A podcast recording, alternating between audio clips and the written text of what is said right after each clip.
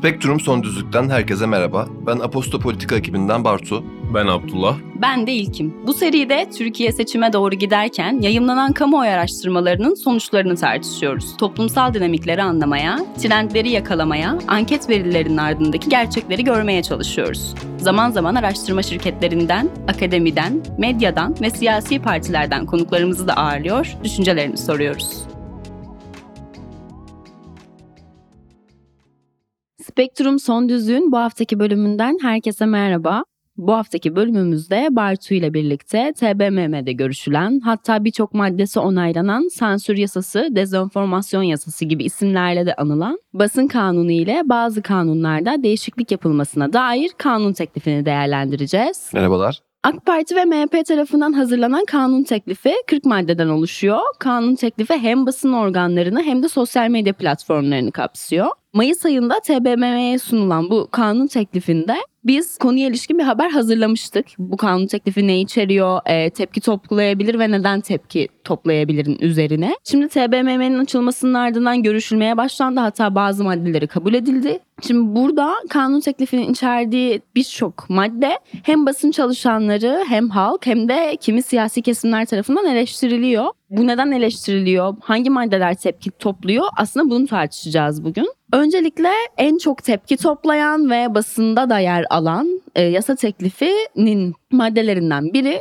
Türk Ceza Kanunu'na halkı yanıltıcı bilgiyi alenen yayma suçu ekleniyor. Endişe, korku veya panik yaratma, ülkenin iç ve dış güvenliğini, kamu düzenini ve kamu barışını bozmaya yönelik yapılan yayınların, yayın yapanların daha doğrusu bir yıldan 3 yıla kadar hapis cezasıyla cezalandırılması öngörülüyor maddelerden birinde. Bu da şu demek, yani yanıltıcı bilgi taşıyan haberleri yapanlar hatta bu haberleri kullananlar bundan Hatta sonrasında sosyal medyada paylaşanlar. hatta sosyal medyada paylaşanlar hapis cezasıyla karşı karşıya. Hukukçuların ve konu uzmanlarının özellikle dikkat çektikleri bir nokta var burada. Buradaki yanıltıcı bilginin ne anlama geldiği. Yani bu yanıltıcı bilgi neye dayanıyor? Ee, yanıltıcı bilgi dediğimiz şey ne olacak? Ne, hangi şekillerde yanıltıcı bilgi olduğu bu kapsam altına alınacak? Buna dair maddenin içinde herhangi bir belirginlik olmadığı ve bu nedenle bunun çok farklı şekillerde kullanılabileceği söyleniyor. En çok eleştiri toplayan kısımlarından biri bu. Yani biz neye yanıltıcı bilgi, bilgi diyeceğiz bunu bilmiyoruz. Oksijenden Serdar Kuzuloğlu'na konuşan Başak Purut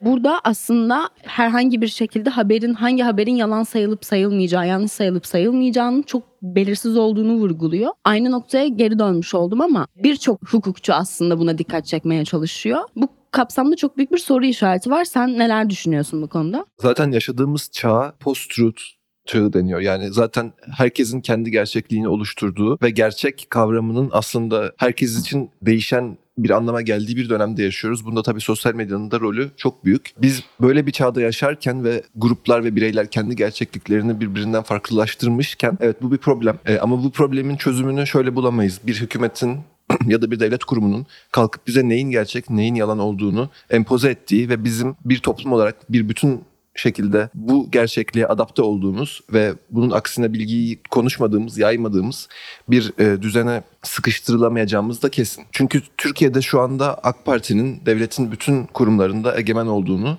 biliyoruz. Dediğim gibi gerçeğin ve doğrunun veya yalanın ne olduğuna hükümetin kurumlarının karar verecek olması ya da hükümetle ilişkisi çokça eleştirilen, çokça tartışılan ve bağımsızlığı tartışılan, bağımsız olmadığı eleştirilerinin yapıldığı yargı kurumunun neyin doğru, neyin yalan olduğuna karar verecek merci olması bence çok endişe verici. Çünkü Türkiye'de biz hani bu podcast'ın adı mesela son düzlük. Çünkü seçimden önceki son düzlükte olduğumuzu hep söylüyoruz. Türkiye bir seçime gidiyor ve seçimin sonucu ilk defa bu kadar belirsiz. Ve ilk defa kararsız seçmenler yani şu anda aldıkları bilgilerle, duydukları yorumlarla fikirleri en çok değişmesi muhtemel insanlar bu seçimde sonucu belirleyen insanlar olacaklar. Yani şu anda AK Parti seçimi kazanarak yönetimde kalmak istiyor ve bu sebeple kendisine aykırı gelen seslerin, kendisine yönelik itirazların, ağır eleştirilerin ya da kendisine sorulan ve cevap vermekte güçlük çektiği bazı soruların ya da kendi yönetim modelinin alternatif başka yönetim modellerinin toplum tarafından en az duyulmasını istediği bir andayız şu anda. Ve bu anda bu yasanın çıkıyor olması ve seçimden önce yürürlüğe girecek olması ve bizim seçime böyle bir gerçeğin ne olduğunun kararının yargı tarafından verildiği bir ortamda bunu e, böyle bir seçime gidecek olmamız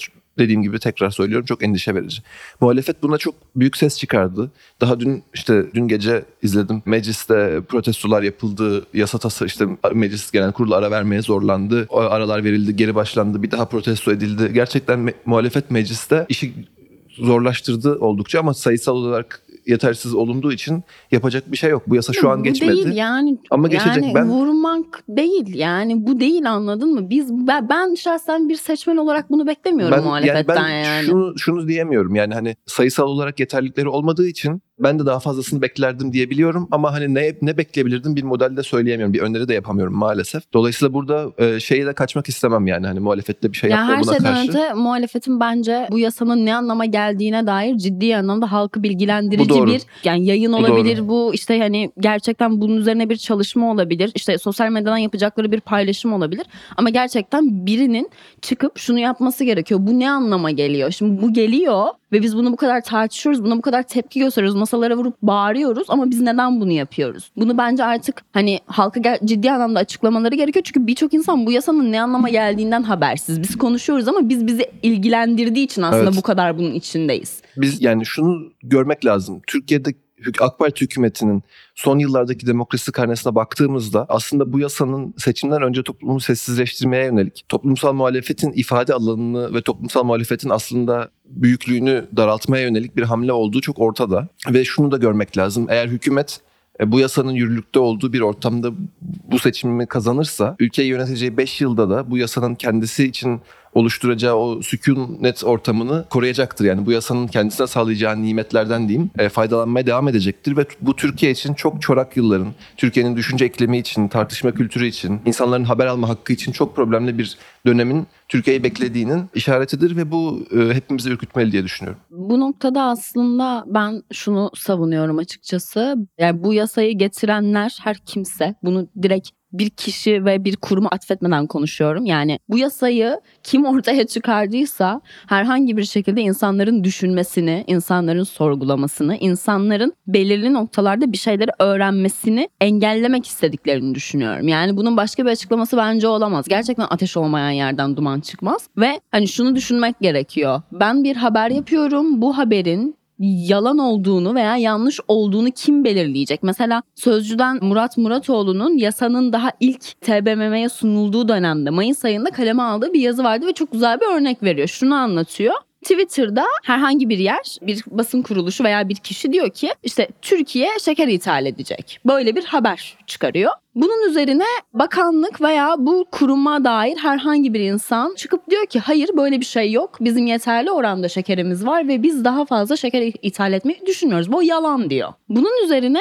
belirli bir zaman sonra bir veya iki ay sonra öğreniyoruz ki Ticaret Bakanlığı 400 bin ton şeker ithal etti. Şimdi burada White kirişçi atıyorum yani Tarım Bakanı bu beyanda bulunduysa Tarım Bakanı mı yalan söylüyor? Twitter paylaşımını yapan mı yalan söylüyor? Twitter paylaşımını yapan kişi yalan söylüyorsa ve sonrasında bu ithalat gerçekleştiyse mesela onun yalanlanan söylemi tekrardan doğruluğunu kazanacak mı? Aradaki hayır böyle bir şey yok diyen kişi yalan söylemekle veya yanıltıcı bilgi beyan etmekle yargılanacak mı? Yani o kadar ucu açık bir şey ki Yani bunun. şimdi aslında ucu açık evet ama şuna da eminiz halka yanıltıcı bilgi vermekten Tarım Bakanı suçlanmayacak bu ülkede. Bunu e, bunu Tabii biliyoruz. ki, tabii ki biliyoruz. Ama yani şöyle biliyoruz. Maalesef. Bunun arkasından dolaşıyor. Ama yani o zaman şunu demek istiyorum. Tabii ki yargılanmayacak ama yargılanmalı. Çünkü bu yasa bunu beyan ediyor bize. Birinin çıkıp yani bunu da geçiyorum. Hadi bunu da bir köşeye bırakalım. Mesela yasada şöyle bir şöyle beş şart var. Bir haberin yanıltıcı bilgi olduğuna dair beş şart varmış ve bunlar yayılan haber gerçek değilse, ülkenin güvenliği ve kamu sağlığını ilgilendiriyorsa, halk arasında korku, panik ve endişe oluşturma kastı varsa, kamu barışını bozmaya yönelikse, aleni ise. Şimdi ben yani bir şey bu- söylemek istiyorum burada. Bu kavramların hepsi yani çoğunu diyeyim yani kamu barışı, e, halkı korkuya paniğe teşvik etmek, kamu güvenliği, ülke güvenliği çok gibi şeyler soyut çok kavramlar. muğlak kavramlar ve Tabii bunların ki. bunların tanımlarının belli olmaması, başı sonu belli Kesinlikle. olmaması, bunların yoruma açık kavramlar olarak ortada bırakılması hukukun öngörülebilirliği ilkesini yerle bir eden bir durum. Çünkü insan yani yasalar kapsamında neyin suç neyin suç olmadığını biz bilmek bilmek durumundayız ki ona göre davranalım vatandaşlar olarak. Yani biliyoruz işte hırsızlık yapmak suçtur. Hırsızlığın tanımı belli, cezası belli, suçtur. Ama e, siz ülkenin kamu güvenliğini ilgilendiren bir haberi, e, yanıltıcı bir haberi yaymak suçtur dediğinizde ben vatandaş olarak bunun hangi, ne yapacağım ben şu anda? Yani neyi paylaşacağım, neyi paylaşmayacağım? Bu gerçekten çok korkunç bir şey. Yine Kuzuloğlu'na konuşan hukukçulardan biri Volkan Dülger bu kavram için şunu söylemiş. Hukukta yüzyıllardır tanımlanamayan kavramlar bunlar. Yani yüzyıllardır bu kavramların ne anlama geldiği konuşuluyor. Ve şey diyor yani bilerek bu kavramlar seçilmiş ve burada idarenin keyfiliği açısından çok tehlikeli. Gerçekten direkt bu cümleyi kuruyor. Yani günün sonunda biz şuna geliyoruz. Şimdi hangi haber yanlış, hangi haber yalan, e, bu neye göre belirleniyor? Cumhurbaşkanı Erdoğan mesela çıkıp bize hayır bu bilgi yalan mı diyecek yoksa işte TCMB'den Yargı. bir yetkili çıkıp biz Yok dava açılacak. bu iddialar kadarıyla. yanlış mı diyecek? Hayır yani bunun beyanı bunun bir beyanı mı olacak yoksa bu beyan işte gidip Yani yargı biz- neye bakacak diyorsun? Neye, e, evet yani çünkü neye göre bu yanlış veya yalan ortaya çıkacak? Bu çok büyük bir soru işareti kaldı ki seçime bu kadar yakınken özellikle muhalefetin son dönemdeki atılımları son dönemden kastım bir yıllık süreçten bahsediyorum bir bir buçuk yıllık süreçten. Bu kadar bariz bir atılımı varken muhalefetin ve artık basın da bunu görememezlik yapamıyorken seçime girilen o gerçekten son düzlükte böyle bir yasanın gelmesi şu demek muhalefetin haberini de yapmayın bence. Çünkü yani e, bir noktada belki de Kılıçdaroğlu'nun söylemleri, Babacan'ın söylemleri, Akşener'in söylemleri onlar yalan veya yanlış söylediğinde bunu yayınlayan basın organları siz de bunu yaydınız diye yargılanabilir. Yani Ya bir bu şöyle bir yasanın şey ucu o kadar açık ki her şey olabilir. Şöyle daha korkutucu bir şey oldu. O da şu. Geçtiğimiz haftalar ya şimdi normalde biliyorsun 3 yıldan az bir hapis cezası aldığında hükmün açıklanması geri bırakılıyor ve sen adli sicil kaydında hapis cezası almış bir insan olarak gözüksen de hapse girmiyorsun. Ama geçtiğimiz haftalarda Adalet Bakanlığı ceza infaz yasasında yeni bir düzenleme yaptı ve bu 2 yıldan az e, bazı cezaların da bazı özür dilerim bazı suçların da yani hapis cezasının uygulanacağını ifade ettiler bu düzenlemeyle. Dolayısıyla bu da eş zamanlı olarak bunun yürürlüğü. Yani mecliste dezenformasyon yasası görülürken Adalet Bakanlığı'nın böyle bir yönetmelik değişikliği yapması, bunun aynı anda olması bu yasa kapsamında yargılanacak. Yani halkı işte kamu barışını tehlikeye atacak şekilde yanıltıcı bilgiyi yayan, halka yayan bir gazetecinin gerçekten hapse girmesinin de önü böylece yasal mevzuatta açılmış oluyor. Yani bu, bu değişiklik yapılmasaydı diyecektik ki bari en azından hapse girmeyecekler insanlar. Ama şu anda gerçekten hapse atılmanın da yasal olarak önü açıldı. Şöyle işte diğer maddelere de geçmemiz lazım. O yüzden çok kısa artık bu kısmı toparlamak gerektiğini düşünüyorum. Ben özetle şunu söylemek istiyorum. Basını ne kadar bir suçlamaya da tabi tutsanız, ne kadar bunun için sadece bir suçlama da yaratsanız, çünkü bu bir yaratmak yani. Şunun bilinmesi gerekiyor. Ben hani ben de bu meslekteyim, biz de bu meslekteyiz ve şunu çok iyi biliyoruz. Hiçbir zaman hiç kimsenin haber alma özgürlüğünü engelleyemezsiniz. Hiçbir noktada engelleyemeyeceksiniz ve her zaman ne kadar görülmesin istense de gerçek her zaman doğru olan her zaman açığa çıkacak. Bu yıllardır böyle oldu. Tarih boyunca böyle oldu. Bir noktada insanlar gerçeği öğreniyor ve siz ne kadar engellemeye çalışırsanız çalışın bu açığa çıkıyor. Aslında şöyle bir mantık yürütebiliriz. Düşünce özgürlüğünün temelinde haber alma hakkı yatıyor. İnsanlar haberi olmazsa düşünemezler haberleri olmazsa. Yani düşünce özgürlüğünün sağlayıcı unsuru basındır diyebiliriz ve benzer şekilde ifade özgürlüğünün sağlayıcı unsuru da haberi ve düşünceyi yaymaktır. E, çünkü siz haberi ve düşünceyi yaymazsanız aslında ifade özgürlüğünüz kısıtlanmış anlamına gelir. E, ve bu hem düşünce özgürlüğü hem de ifade özgürlüğü çok temel insan hakları. Bizim anayasayla da korunan, uluslararası insan haklarıyla da tanımlanan çok temel haklarımız ve insanların e, bu temel haklarına yönelik kısıtlamalar olacağı endişesiyle tepki gösteriyorlar. Yani çünkü bu düşünce özgürlüğünün ve ifade özgürlüğünün sağlayıcı unsurların ortadan kalktığı bir ortamda sansürün doğması kaçınılmaz. Sansürden daha korkuncu bence otosansürün doğması kaçınılmaz. Çünkü şunu yazmayayım, bu yorumu paylaşmayayım, bunu RT'lemeyeyim, işte şöyle bir tweet atmayayım, bu haberi yapmayayım demeye başladığı zaman insanlar ve gazeteciler. O zaman toplum kendi kendini susturmaya başlar.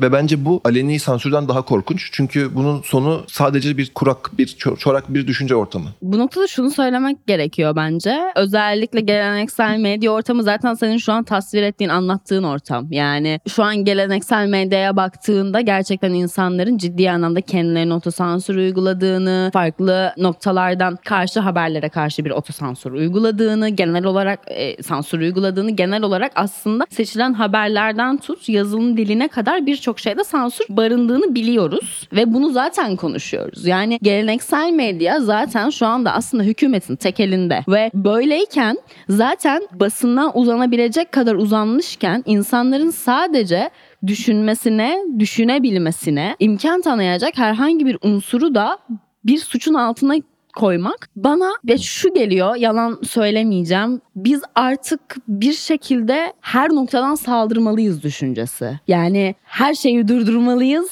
her şeyin üstüne gitmeliyiz ve düşünebilme yetisinin bile önüne geçmeliyiz düşüncesi gibi geliyor. Ama yani tekrar aynı noktaya geliyorum. Ne yaparsanız yapın. Yani bu tarih boyunca böyleydi. Ne yaparsanız yapın hiçbir zaman insanların düşünmesine, sorgulamasına ve bir noktada kendi gerçeğine ulaşmasına engel olamayacaksınız. Kimse olamayacak. Diğer maddeleri de sıralayalım. Haber siteleri gelen itirazlarla ilgili tekzip yayınlamakla yükümlü olacak. Bir içerik için verilen kaldırma kararı tüm site ve platformları kapsayacak. Her site için ayrı ayrı karar çıkarılmasına gerek kalmayacak. Tüm haber siteleri yayınladıkları içerikleri saklamak zorunda olacak. Bunun da hukuka aykırı olan içeriklerin yok edilmesini veya keyfi olarak ortadan kaldırılmasının önüne geçmeyi amaçladığı söyleniyor. Haber siteleri için faaliyet gösterdiği iş yeri adresi, ticaret ticari ünvanı, elektronik posta adresi, iletişim bilgileri ve yer sağlayıcısının adını kendi sitelerinde ilan etme zorunlu hale geliyor ve bu da şu demek aslında. Hepimizin yerini herkes bulabilir. İşte internet sağlayıcısı gibi, e-posta adresi gibi aslında saklanması gereken bilgiler bence bunlar.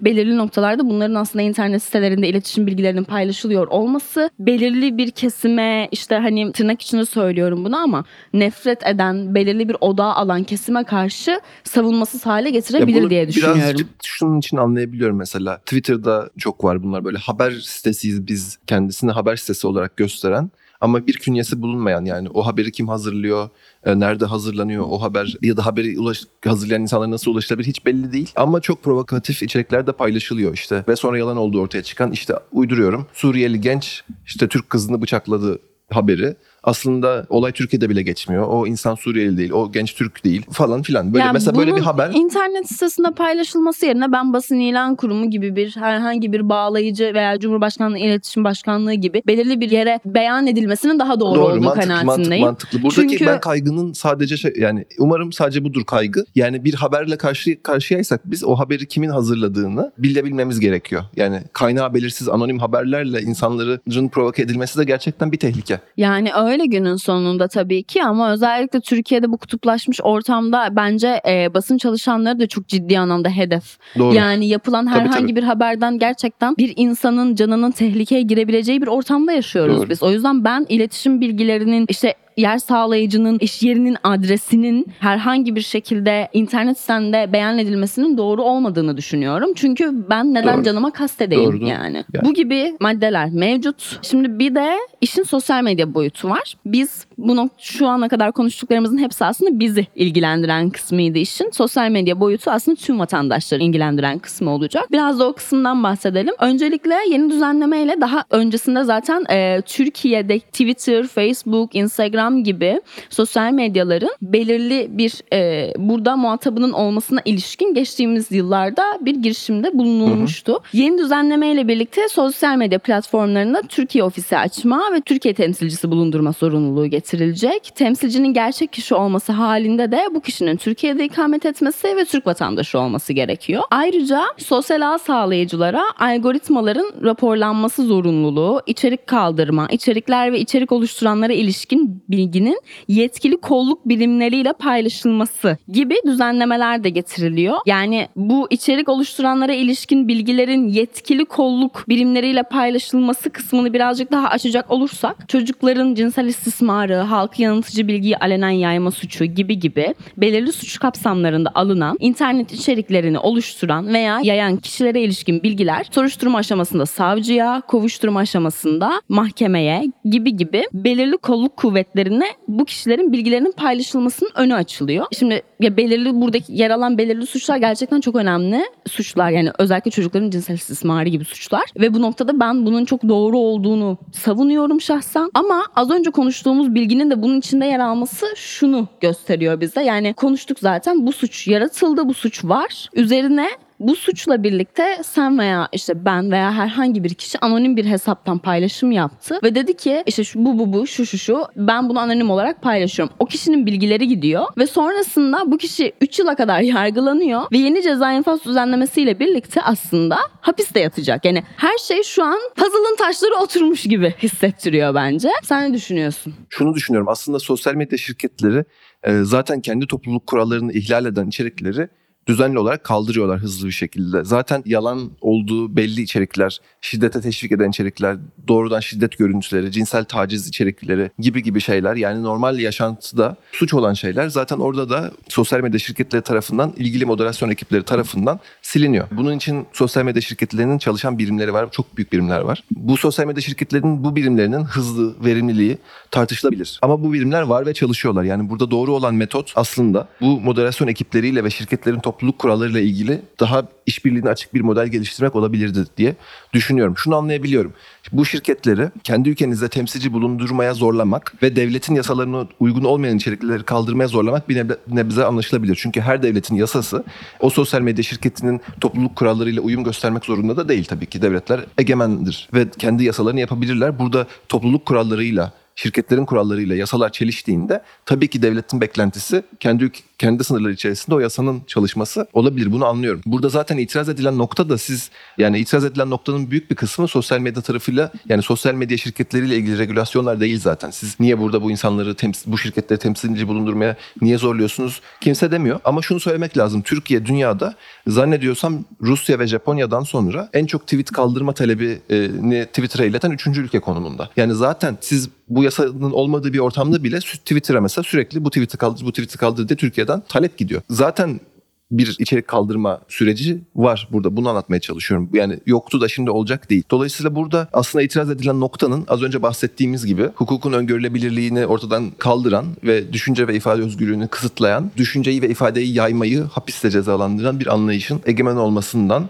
böyle bir ortam yaratılmasından endişe eden insanların itirazı olarak görmek lazım. Yani zaten şöyle bir şey de var. Hiç kimse cinsel tacize ilişkin, cinsel saldırıya ilişkin veya şiddeti teşvik eden herhangi bir sosyal medya paylaşımının önüne geçirmesini talep etmeyecek. Zaten biz bu konularda daha fazla şey yapılsın istiyoruz her birimiz yani vatandaş olarak. O yüzden yani problem gerçekten burada değil. Problem bu kişilerin bilgilerinin alınmasına değil. Problem bu halkı yanıltıcı bilgiyi alenen yayma, devletin birliğini ve ülke bütünlüğünü bozma gibi. Yani mesela ne bu? Hani devlet sırlarına karşı suçlar nedir bu? Yani bilmiyoruz. Bunların altının ne İşte olduğunu bilmiyoruz. Burada yani itiraz ettiğimiz şey bunun bizim karşımıza ya da herhangi bir e, gazetecilik de yapmayan herhangi bir vatandaşın karşısına çat Tabii diye ki. çıkarılabilir. Yani şunu yani düşün. insanların kendisini mahkemede bulabileceği ve mahkemede sen kamu barışını bozdun, ülke güvenliğini tehlikeye attın, yalan haber yaydın, al sana hapis cezası. Burada ciddi anlamda çok büyük bir soru işareti var ve o kadar düşünülmüş bir kanun teklifi ki gerçekten her noktasıyla düşünülmüş, her noktasıyla değerlendirilmiş